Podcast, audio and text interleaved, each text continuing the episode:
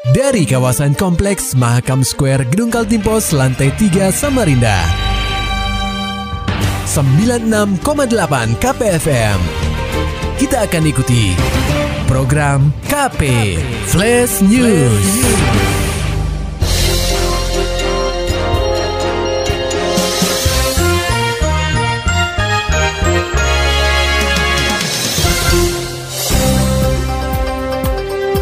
Anda sedang menyimak program KP Flash News bersama saya Agung Pratama. Berita utama. Situasi pandemi COVID-19 yang belum menunjukkan tanda akan mereda tak membuat Pemkot Samarinda mematikan aktivitas perekonomian menjelang masuknya bulan suci Ramadan. Salah satunya dengan memperkenankan dibukanya pasar Ramadan di kawasan Gor Segiri Samarinda. Hal tersebut disebutkan Asisten Satu Sekretariat Daerah atau Setda Kota Samarinda Tejo Sutarnoto usai rapat pemantapan pembukaan pasar Ramadan di ruang rapat utama lantai 2 Balai Kota Samarinda, Rabu 8 April 2021. Uh, intinya, sekali lagi dalam uh, pelaksanaan pasar Ramadan ini kita menerapkan protokol kesehatan yang ketat dan jumlah pedagang pun kita batasi. Yang semula tahun-tahun sebelumnya sebelum Covid itu ada 300-an pedagang, sekarang hanya 150 dengan uh, Eh, penataan yang sudah dibuat sedemikian rupa pintu masuk dan pintu keluar beda-beda dengan klaster-klaster, klaster-klaster kue sendiri, klaster uh, sayur makanan dan uh, minuman sendiri dan klaster mungkin di luar itu seperti uh, mungkin jual busana dan seterusnya sendiri. Selain mengurangi jumlah pedagang, Tejo menjelaskan bahwa pihaknya akan memisahkan pintu masuk dan pintu keluar. Penataan pedagang juga ditempatkan sesuai produk dagangannya. Untuk memantau penerapan protokol kesehatan, Pemkot Samarinda telah menyediakan posko khusus yang akan diisi Satpol PP, TNI dan Polri, serta pihak panitia. Panggung hiburan juga akan ditempatkan tepat di dalam pasar Ramadan. Hanya saja, panggung ini akan digunakan pada akhir pekan, dan hiburannya pun akan dibatasi. Satu yang akan menjadi perhatian Pemkot Samarinda, yakni perihal penataan parkir, agar tidak menimbulkan kemacetan arus lalu lintas. Nah, selain itu juga penataan parkir dan lalu lintas di depan garis kiri dan seterusnya juga kita akan lakukan secara baik dan ketat. Karena bagaimanapun dengan uh, pasar Ramadan ini jangan sampai menimbulkan kemacetan maupun kesemrawutan parkir. Ini dan yang lainnya juga nanti akan selalu kita uh, hari Senin rencananya kita akan adakan gladi bersih ataupun simulasi untuk memastikan bahwa kita betul-betul uh, menjalankan protokol kesehatan dengan baik. Di luar itu kita akan buat edaran untuk uh, pasar-pasar Ramadan komunitas maupun perorangan dibolehkan dengan catatan jangan berjualan di atas trotoar atau tempat-tempat yang mengganggu uh, ketertiban dan kelancaran lalu lintas. Pasar Ramadan yang terletak di Gor Segiri Samarinda ini nantinya akan berlangsung sejak 13 April hingga 8 Mei 2021. Selain transaksi secara langsung, konsumen juga bisa menggunakan aplikasi Behambinan untuk membeli produk-produk yang dijajakan. Berita selanjutnya puluhan hingga ratusan barang terlarang ditemukan oleh petugas gabungan saat melakukan razia di dalam lapas dan rutan di Samarinda. Laporan selengkapnya akan disampaikan oleh reporter KPFM Samarinda, Muhammad Nur Fajar.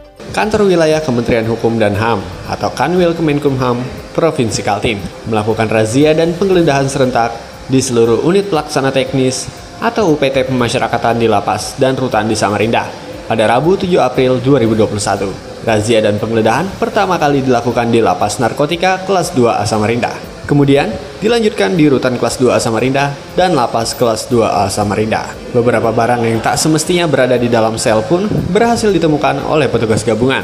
Berdasarkan data yang diperoleh KPFM, ditemukan barang seperti handphone, charger, headset, peralatan makan, sabuk besi, paku, obeng, korek gas, senjata tajam, serta benda tajam rakitan.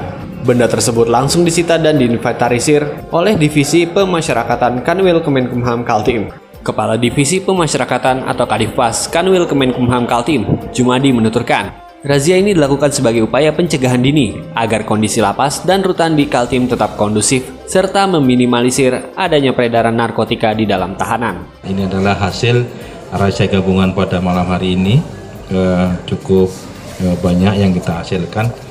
Ada beberapa HP dan juga barang-barang yang memang selama ini dilarang di dalam lapas. Ini adalah bukti kami dalam rangka deteksi dini kami agar menciptakan suasana yang kondusif di dalam lapas dan rutan umumnya adalah lapas dan Kalimantan Timur. Jumadi tak memungkiri bahwa minimnya petugas penjagaan di setiap lapas dan rutan membuat pengawasan terhadap barang yang masuk tidak maksimal. Hal tersebut juga berbanding terbalik dengan jumlah warga binaan di setiap UPT pemasyarakatan yang dapat dikatakan melebihi kapasitas.